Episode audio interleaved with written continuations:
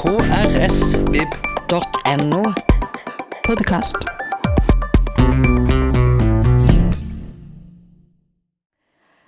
På søndag klokka 11, altså 11. i 11. klokka 11, så er det 100 år siden fredsavtalen ble signert for første verdenskrig. Etter fire år med krig. Hvordan var det mulig å få dette til? Det skal vi høre mer om nå. Så jeg er veldig glad for at vi nå får besøk av første emanuensis, Øyvind Tønneson. Ta han godt imot.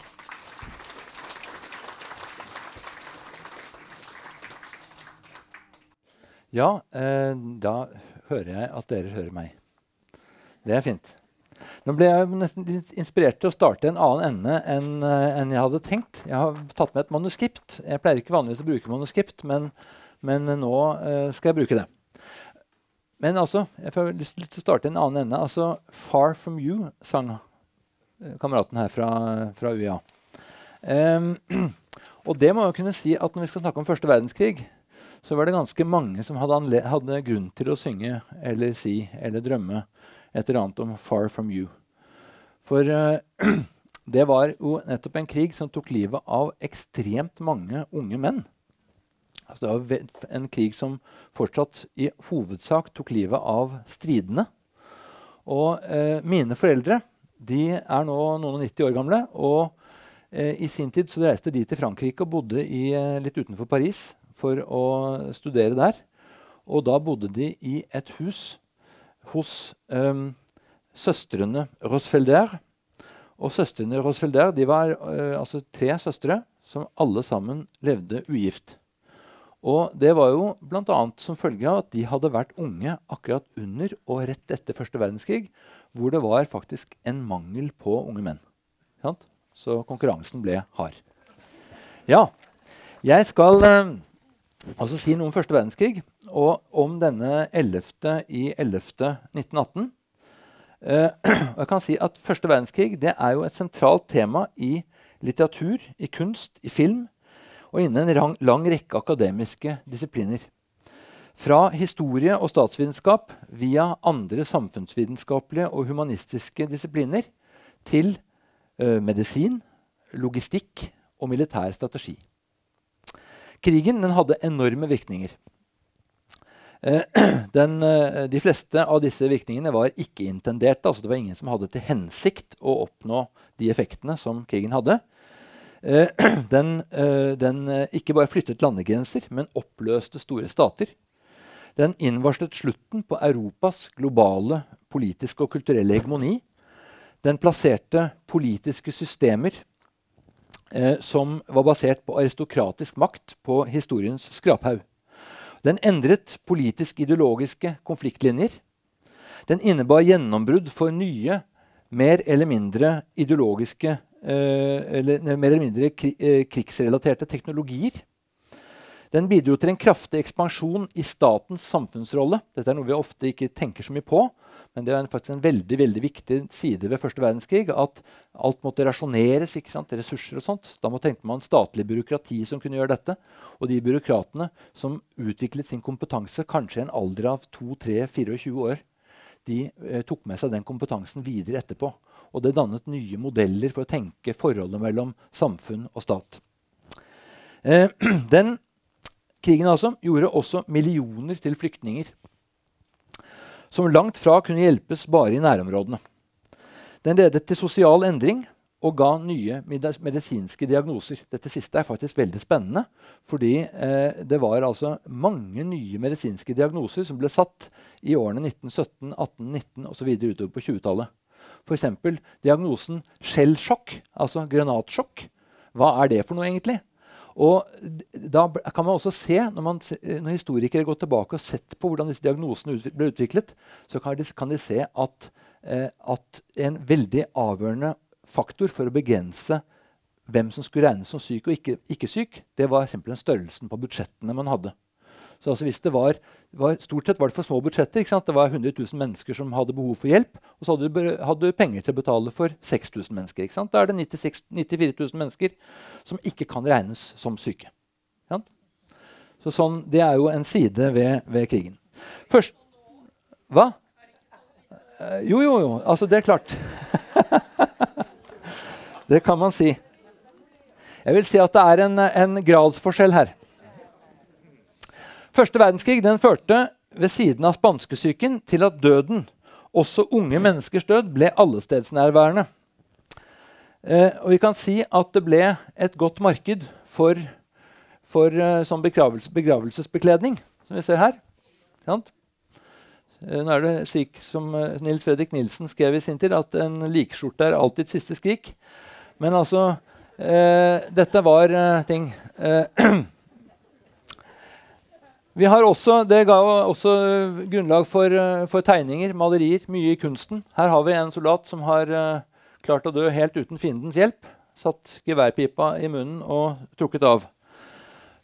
Så det er også en side ved dette. Døden var altså allestedsnærværende. og 100 år etter så begynner vi så smått å få et klarere bilde av konsekvensene av denne krigen. Ikke bare med et nærsynt europeisk blikk, men også i et reelt globalt perspektiv. Det endrer ikke det faktum at krigen i utgangspunktet var, eh, var europeisk. Så da, da, Christian Laus Lange, en helt sentral figur i datidens eh, internasjonale fredsbevegelse, vinteren 1915 utga en liten bok for å forklare det som var i gang, valgte han tittelen 'Den europeiske borgerkrig'.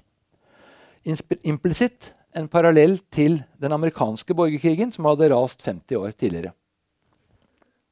Her får jeg veldig lyst til egentlig å si noen ord uh, utenfor manus altså om dette med, med, tidsintervaller, som er veldig spennende. Altså 50 år tidligere. ikke sant? Altså, jeg er helt sikker på at noen av dere husker noe som skjedde for 50 år siden. Det er, det, er, faktisk stor uh, fare for det, gitt. Uh, jeg, jeg, jeg begynner snart å huske ting som skjedde for 50 år siden, jeg også. Det har begynt, faktisk. Ja. Vel, i hvert fall er det slik at nå i, for tida så glir eh, denne menneskeskapte katastrofen over i historien om alle generasjonene som er borte. For mine studenter på UiA så er første verdenskrig ikke særlig mye nærmere enn den amerikanske borgerkrig, Krimkrigen eller for så vidt napoleonskrigen. Det er mange spørsmål vi kan stille når det gjelder uh, første verdenskrig. Skal vi se, Her borte har vi sånn lys som er på meg. er det det? Ja, Så jeg skal la være å stå der i mørket. Eh, det er altså mange spørsmål. Jeg skal konsentrere meg om ett. Og det er spørsmålet om hvorfor verdenskrigen tok slutt akkurat i november 1918. Det er egentlig hovedsaken i det jeg skal snakke om.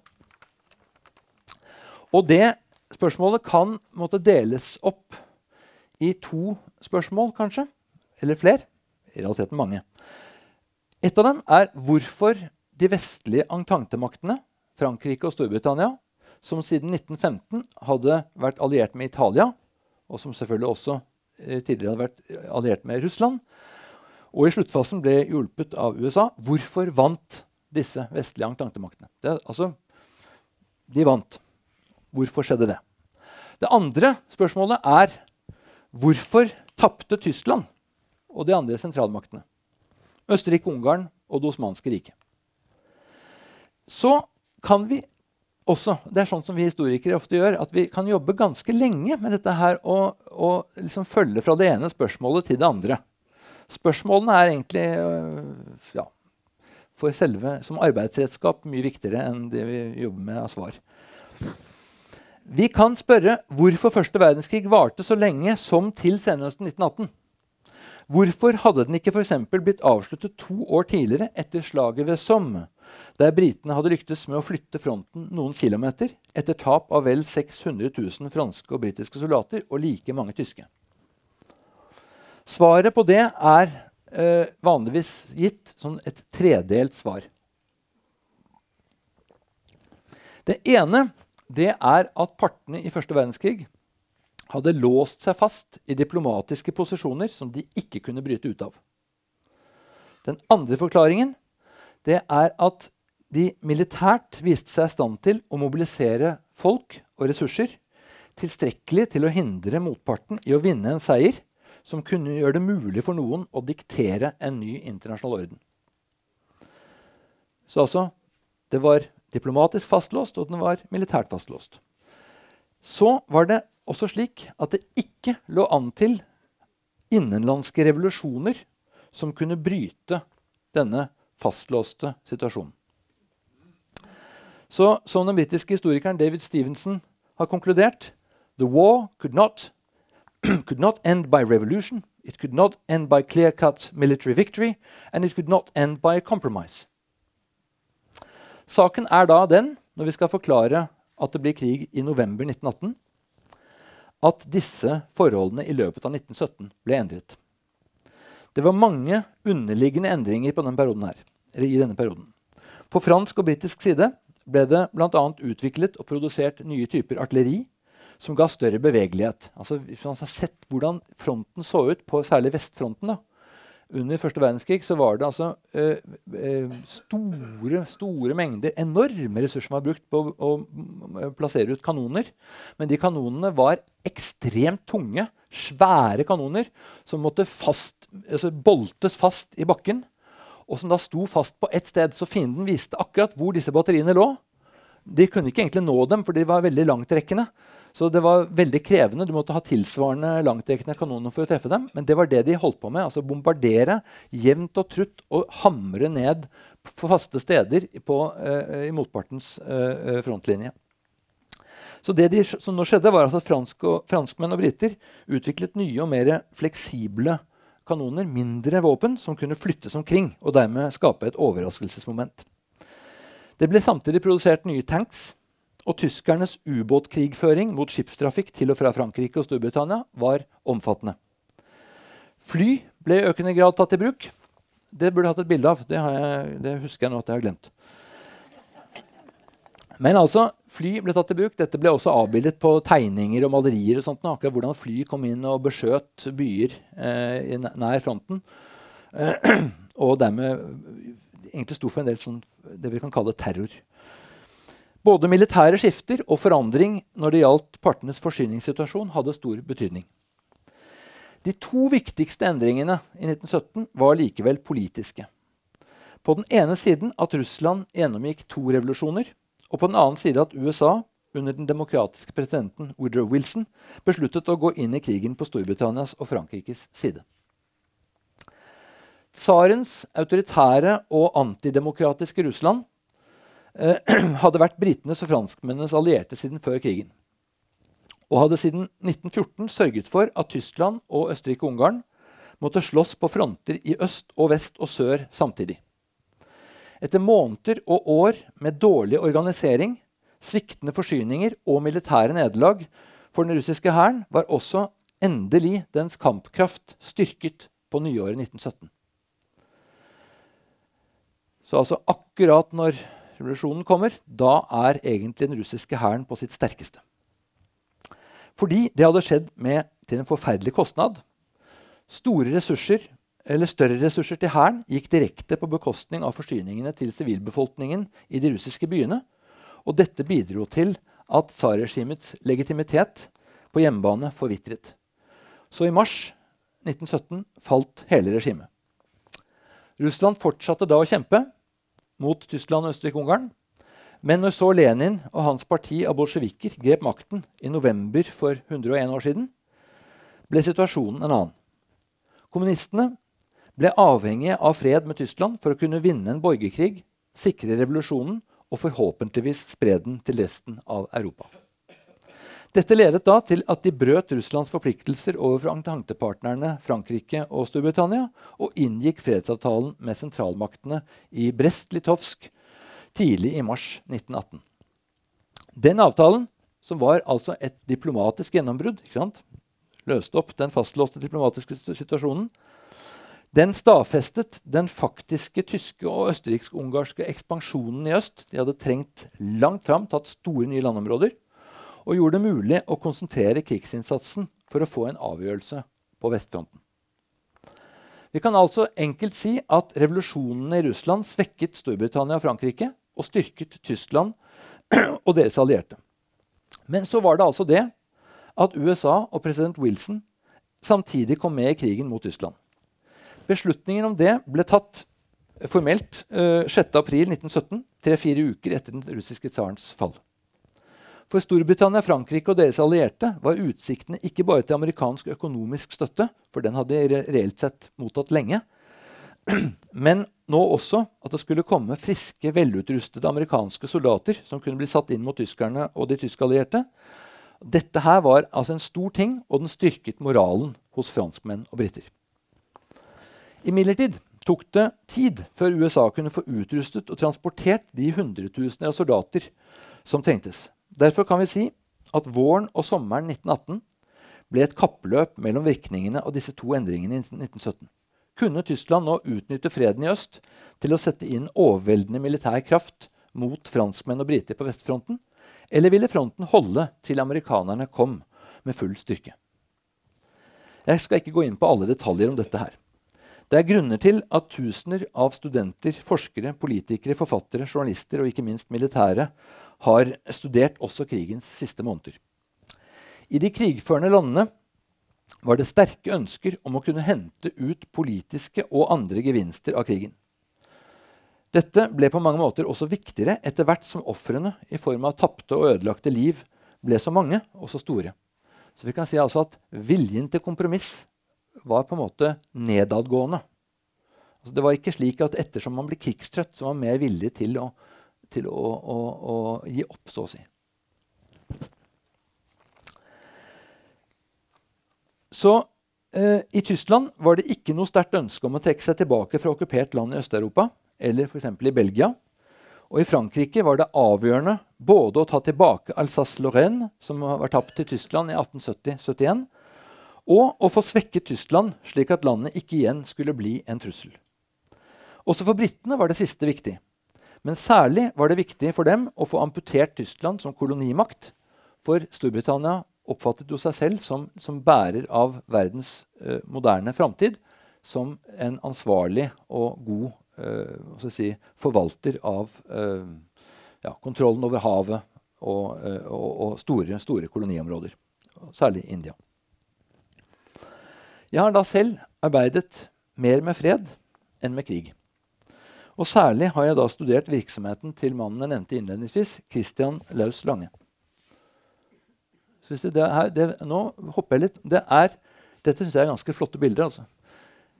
Dette her er jo da en, en plakat som viser på en måte, framskrittet. ikke sant? Hvor altså, du kan få sånne flotte proteser som man setter på når man har mistet armen, slik at man fortsatt kan være nyttig og gjøre rett og slett for seg i jordbruket. ikke sant? Uh, og her borte her har vi da også nyutvikling av utstyr. Uh, gassmaske for hest og for menneske. Uh, fine ting. Men jeg skal også si noen ting om denne mannen her. Kristian Neus Lange. Han var den norske Nobelkomiteens førstesekretær. Det er Nobelinstituttet i Oslo. og selv fikk han fredsprisen i 1921. Og litt enkelt sagt så var han en veldig viktig internasjonal organisator gjennom perioden fra 1899 til han døde av kreft 69 år gammel i 1938. I krigsårene gjennomførte han på oppdrag fra den private amerikanske Carnegie-stiftelsen flere reiser på kryss og tvers i Europa og sendte mer eller mindre konfidensielle rapporter til sine oppdragsgivere. I 1918 kommuniserte han også i noen grad med amerikansk etterretning. En viktig ting i det han stelte med da, var å forsøke å få klarlagt de stridende maktenes krigsmål og rådende holdninger i befolkningene. I 1917 rapporterte han svært grundig, først etter oppholdet i Helsingfors og St. Petersburg, midt i det revolusjonære kaoset. Han kom over med første tog over grensen mellom Finland og Russland etter tsarens fall. Han kom der dagen etter eller to dager etter tsarens fall. Eh, men senere så hadde han også samtaler med, eh, med tyske østerrikske ledere, og han klarte å komme inn i Belgia. Og På denne reisen så hadde han eh, samtaler med ledende liberale og sosialdemokratiske riksdagsmenn i Tyskland, og med akademikere, næringslivsfolk og andre han møtte. Han besøkte også det okkuperte Brussel, der han selv hadde bodd og arbeidet da krigen brøt ut i 1914. Lange kunne fortelle i sin rapport fra disse reisene at det offisielle Tyskland var sikre på å nå en militær seier som ga dem mulighet til i høy grad å diktere en ny internasjonal orden. Men samtidig var inntrykket at nesten alle, også langt ut på høyresiden i tysk politikk, erkjente et behov for omfattende reform av det tyske politiske systemet. Problemet var at det samtidig i de tyske elitene rådet en sterk revolusjonsfrykt. De hadde sett hva som hadde skjedd i Russland. I det multinasjonale Østerrike-Ungarn var det kanskje enda verre. Der hadde jo oppblomstringen av ikke bare ungarsk, men også tsjekkisk, kroatisk, serbisk og mange flere utgaver av nasjonalisme truet med å sprenge riket. Så nå kjente Lange parlamentarikere og professorer som var engasjert i å utrede konstitusjonell reform mens krigen raste, i håp om å klare å redde Østerrike-Ungarn over til å være en multinasjonal føderalstat når krigen tok slutt. Slik gikk det ikke. En liten interessant observasjon som Lange kom med i sin rapport fra det tidspunktet Jeg baserer meg litt på disse rapportene han skrev til amerikanerne. Det var også at han i Tyskland så å si aldri observerte mennesker som smilte. Dette var, skrev han, helt annerledes i det okkuperte Belgia, der smil var helt vanlige. Til tross for at belgierne var hardt undertrykket og hadde vært det siden de ble invadert av tyskerne i 1914. I Belgia skrev han, var også smilene koblet med, eller blandet med en spesiell humor. En galgenhumor, må vi anta. Eh, og den humoren den bidro også til å løfte motet blant folk. Poenget er nå at hele det tyske samfunnet var blitt svært militarisert, og visse forhold kunne nok minne om tsarens Russland kort tid før revolusjonen. Pga. entantens økonomiske blokade rådet det knapphet på ressurser, og den politiske og militære ledelsen måtte ikke bare prioritere sin egen hær, men var også avhengig av å støtte allierte som Bulgaria og Det osmanske riket med våpen og ammunisjon og andre ressurser.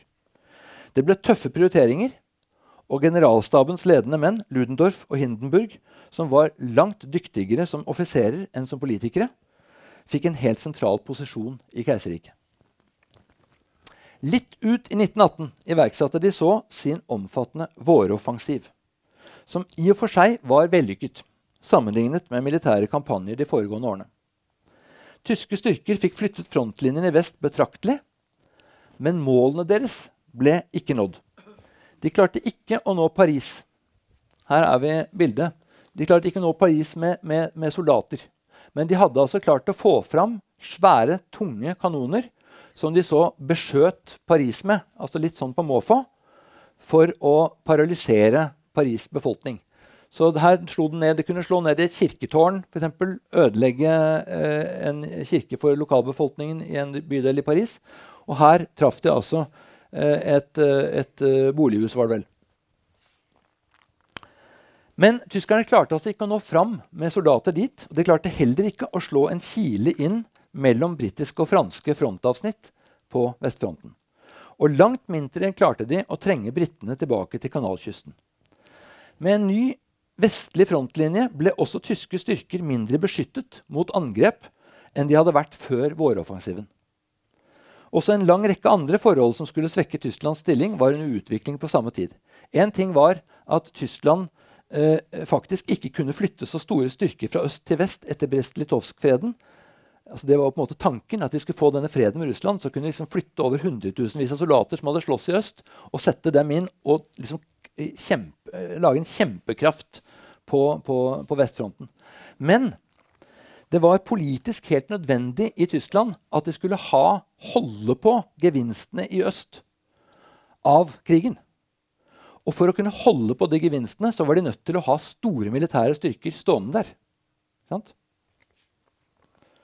Så det er liksom to mål her. Hvis befolkningen ser at du taper øst, så har du tapt. Hvis du taper i vest, så har du tapt.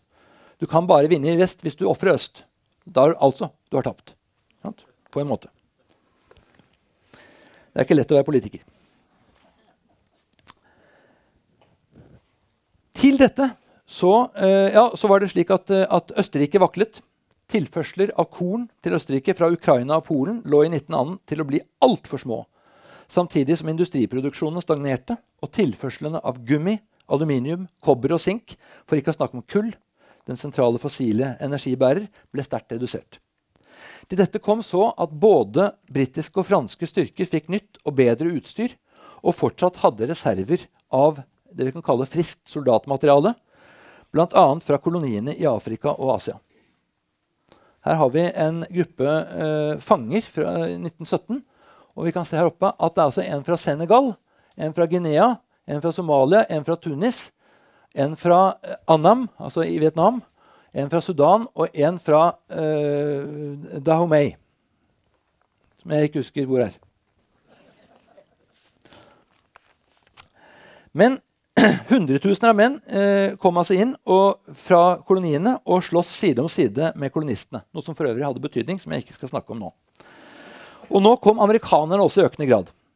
Så tyskerne på sin side de hadde mistet om lag 800 000 soldater i våroffensiven og hadde, hadde uh, små reserver å sette inn. Så da franskmenn, briter og amerikanere fra juli 1918 iverksatte uh, serier av koordinerte angrep under støtte av både fly og bevegelig artilleri, måtte tyskerne raskt oppgi sine fremre posisjoner, og det ble også vanskelig for dem å stå imot da de trakk seg tilbake.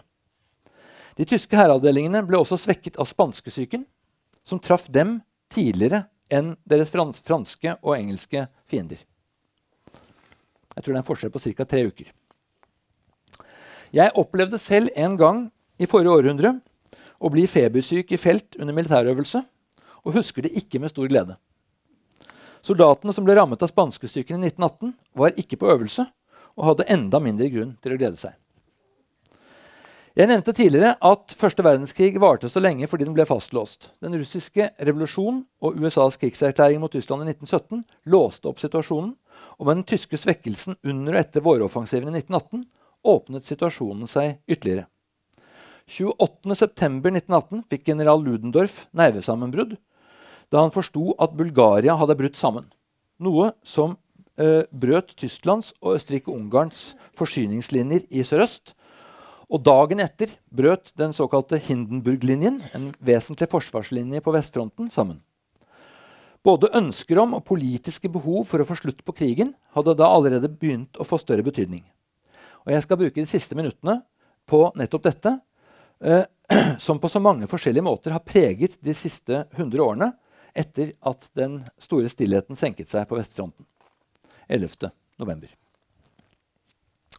Utbruddet av første verdenskrig utløste utallige diskusjoner i grupper av parlamentarikere, blant akademikere og i pressemiljøer, arbeiderforeninger, menigheter og etter hvert innenfor ulike staters regjeringsapparater.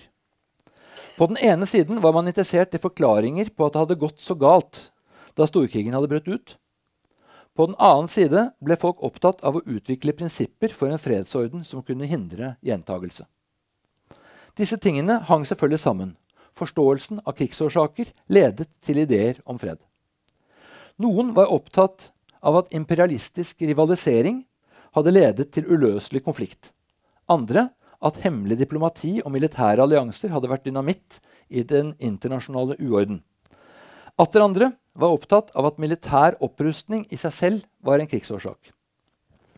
Noen kunne også nikke til alt dette men i tillegg vise til at spredningen og intensiveringen av nasjonalisme hadde skapt økende konflikt både innenfor og mellom stater. De kunne også peke på at det hadde vært et problem at det ikke fantes en fast internasjonal arena der konflikter kunne bli diskutert og eventuelt løst. Christian Lange, som jeg altså stadig kommer tilbake til, sto sentralt i slike diskusjoner mellom briter, opposisjonelle tyskere, eksilbelgiere, nederlendere sveitsere, skandinaver, amerikanere og langt flere. I Norge bidro han i 1916 og 1917 til et aldri så lite internasjonalt gjennombrudd ved nærmest å tvinge et bredt spekter av mennesker fra samtlige partier på Stortinget, i akademia, fra nærings- og arbeidsliv, til å reflektere over hvordan Norge som småstat burde plassere seg. Hvis stormaktene skapte en ny, institusjonalisert orden med prosedyrer både for konfliktløsning og for maktbruk mot dem som eventuelt forstyrret freden. Fortsatt nøytralitet var da ikke mulig. Han, altså Lange, kunne legge til grunn det han visste om diskusjonene som foregikk internasjonalt, og da ikke minst i London og Washington. Siden 1909 hadde han vært generalsekretær i Den interparlamentariske union, som organiserte parlamentarikere fra svært mange land. Og allerede tidlig på høsten 1914 hadde han konfrontert potensielt sentrale utenlandske aktører med krevende problemstillinger. Vanskelige spørsmål. Til den franske filosofiprofessoren Theodore Russen skrev han f.eks. at man måtte regne med at Ententen ville vinne krigen. Altså Han skrev dette i oktober 1914. Man måtte regne med at Ententen ville vinne krigen, men hva skulle Frankrike så gjøre etterpå? Ville de stille i og for seg rimelige krav om store krigsskadeerstatninger fra Tyskland, og dermed tvinge tyskerne i kne? I så fall, skrev han, så måtte de jo ikke vente annet enn tysk revansjisme. Ville de beskytte fransk handel med egne kolonier, eller åpne for frihandel i koloniene? I ettertidens klare lys fremstår dette som svært relevante spørsmål. I 1918 ble Russen faktisk medlem av den franske statlige kommisjonen som skulle utrede franske posisjoner med tanke på en etterkrigsorden. Lite i den franske politikken de neste årene røper at noen hadde tenkt videre på Langes spørsmål.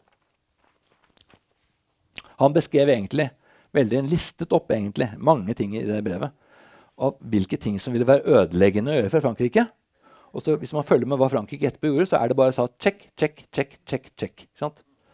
Så franskmenn flest, det folkelige flertallet i Frankrike, hadde to absolutte krav i 1918.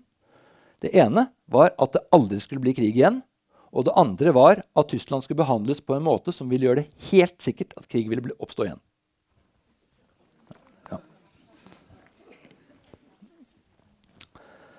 Dette gjaldt ikke alle, altså. det gjaldt folk flest. på en måte, Og det gjaldt eh, særlig eh, den nasjonalistiske høyresiden i fransk politikk.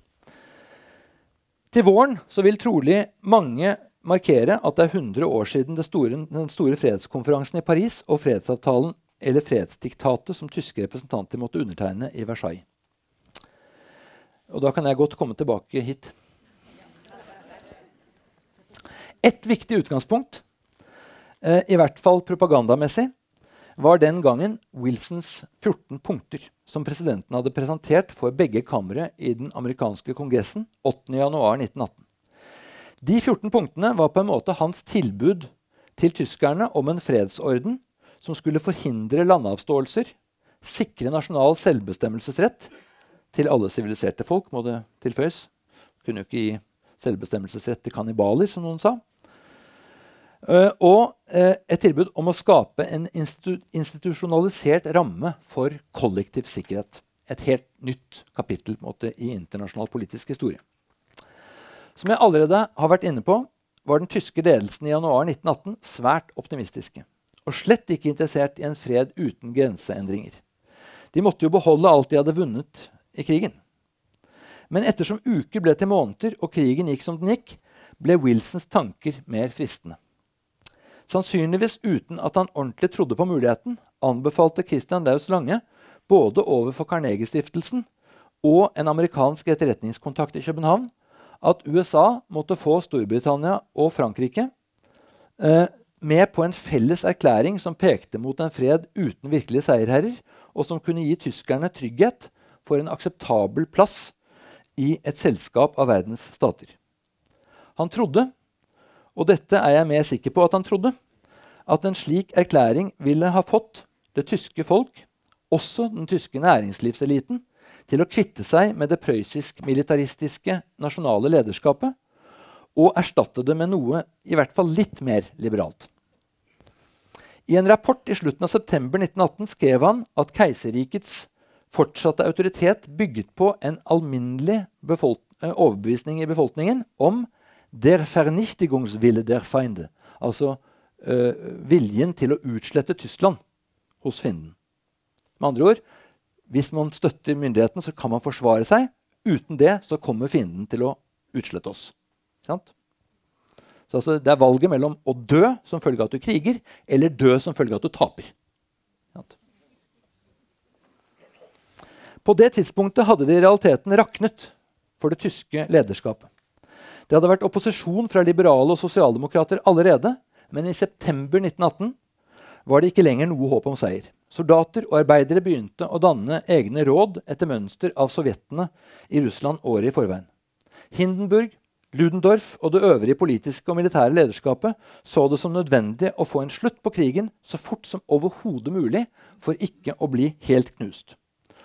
Og de så det som mest hensiktsmessig at sosialdemokrater og liberale tyskere overtok det nasjonale lederansvaret, og særlig ansvaret for å undertegne en fredsavtale som de med rette antok ville bli helt ydmykende. Så her la man altså grunnlaget for det som er blitt kalt dolkestøtslegenden. Altså at Tysklands tap skyldtes forræderi blant ens egne. Nemlig sånne moderne, dekadente liberale og eh, sosialdemokrater og kommunister og sånn. Keiseren måtte abdisere og flyktet med sin familie til det nøytrale Nederland. Den tyske ledelsen ba om fredsforhandlinger på grunnlag av Wilsons 14 punkter, men det var ikke så realistisk lenger. Det er jo et tilbud man gir. Man gir jo et tilbud ut fra styrke. Her er svakheten stor. Da kan man regne med at vilkårene blir dårlige. I vest tok det tid før man kunne få ordentlig sikkerhet om hva som faktisk skjedde internt i Tyskland. Helt til slutten av oktober ba den amerikanske marineattachéen i København, Christian Laus Lange, om han kunne reise til Berlin og danne seg et bilde av den politiske situasjonen. Marineattachéen visste utmerket godt at den tyske ubåtflåten gikk til havn, og mye om hva som ellers skjedde militært. Men amerikanerne trengte best mulig informasjon om det politiske lederskapet i Tyskland. Lange telegraferte da et ja til å reise, men ba samtidig innstendig om at den amerikanske etterretningsmannen varslet både franske og britiske myndigheter om at han reiste på oppdrag for amerikanerne. Om dette ble gjort, vet jeg ikke. Uh, og Lange fikk heller ikke reist før 11.11., og da var det noe klarere hvordan sakene sto, så han ble for en tid hjemme i Kristiania. For 100 år siden i overmorgen stilnet altså kanonene på vestfronten. I løpet av de siste ca. tre månedene var 363 000 tyske soldater tatt som krigsfanger. Og de som ikke lot seg fange, hadde vært utsatt for nokså kontinuerlig bombardement. Det bombardementet, Selv om man visste at, uh, at det skulle nå bli våpenhvile, så fortsatte på en måte bombardementet jevnt og trutt hele veien fram. Sant? Slik at det skulle, uh, altså moralen skulle drives ned til et så lavt nivå som overhodet mulig før man på en måte måtte slutte å skyte.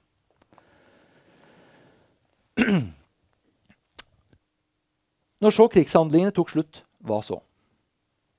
Å si at det ble fred, ville være en betydelig overdrivelse. I løpet av kort tid forlot tyske og østerrikske militære store områder i Øst- og Sentral-Europa. De etterlot seg et maktvakuum, og det fulgte en hel serie av mindre borgerkriger, revolusjonskriger og kriger for å bygge nye stater. Også i ruinene etter det osmanske riket ble det maktvakuum. I Armenia foregikk det som siden er blitt omtalt som folkemord, i arabiske land ble ganske snart forhåpninger om selvbestemmelse det de trodde på at Wilson mente noe alvorlig med, eh, knust av både franskmenn og briter. Eh, britene som jo gjennomførte interessante ting i Syria. Altså med å uh, fly over uh, landsbyer for eksempel, uten forvarsel og skyte med maskingevær på sivilbefolkningen. Uh, annet det er masse interessant i Syria. Dette var, jeg, jeg har en hang til en sånn litt sånn svart humor. Uh, ja. Det er egentlig ikke helt på sin plass uh, her. Uh, vi må også si at befolkningene i de tidligere tyske koloniene, som dagens Namibia, slett ikke gikk lyse tider i møte. Det var Sør-Afrika som overtok kontrollen der. Og eh, forløperne til, eh, til apartheidpolitikken var jo én ting. En helt annen ting var at det var altså en ja, jeg, jeg, skal ikke gå i detaljer om det. Det er vist et, et uh, nytt måte om den gamle tyske måten å styre Namibia på i en utstilling i Berlin for et par år siden. Uh, og det som skjedde etterpå fra Sør-Afrikas side i Namibia, er veldig mye av det samme. Det er helt bestialske ting som ble tatt også som sånn lærebokeksempler uh, av tyskerne under andre verdenskrig. Sommeren eller høsten 1918 skrev Christian Lange til en annen fredsvenn at spørsmålet nå ville reise seg om hvor freden etter krigen skulle etableres. Og han sa at det var ett sted det i hvert fall ikke kunne skje, nemlig i Paris. Der stemningen lå ekstremt dårlig til rette. Så ble det nettopp i Paris seirerne valgte, og der etablerte de grunnmuren for det som først ble Folkeforbundet, og siden FN. Og bildet Her er, her ser dere noen folk som er litt sånn deformert. Det var simpelthen en franske statsminister som sørget for at når de tyske representantene kom og skulle undertegne fredsavtalen i Versailles, så var disse fem her, som var så ødelagte franske ofre av krigen, de var stilt opp ved inngangen til speilsalen i Versailles, slik at de franske, tyske representantene skulle liksom se hva de hadde påført det franske folk eh, på vei inn for å undertegne. Så det var velregissert for å skape en så dårlig fredsinnstilling som mulig, kan man si. Eh, der vestfronten hadde ligget, tok det lang tid før livet ble normalt igjen. Og det nye normale ble minnesmerke etter minnesmerke for ofrene fra et av de mest vanvittige krigseventyr verden kjenner. Selv vet jeg ikke egentlig om 11.11.1918 er så veldig mye å minnes. Eller i hvert fall ikke å feire.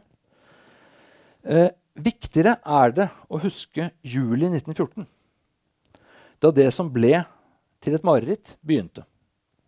Første verdenskrig var et menneskeskapt helvete. Utfordringen til oss i dag får bli å ikke uforvarende skape noe som ligner. Takk.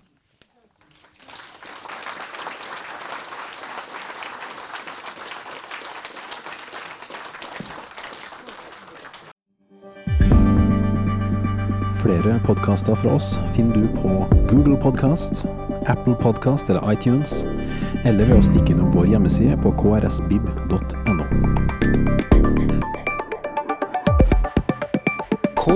krsbib.no. Podkast.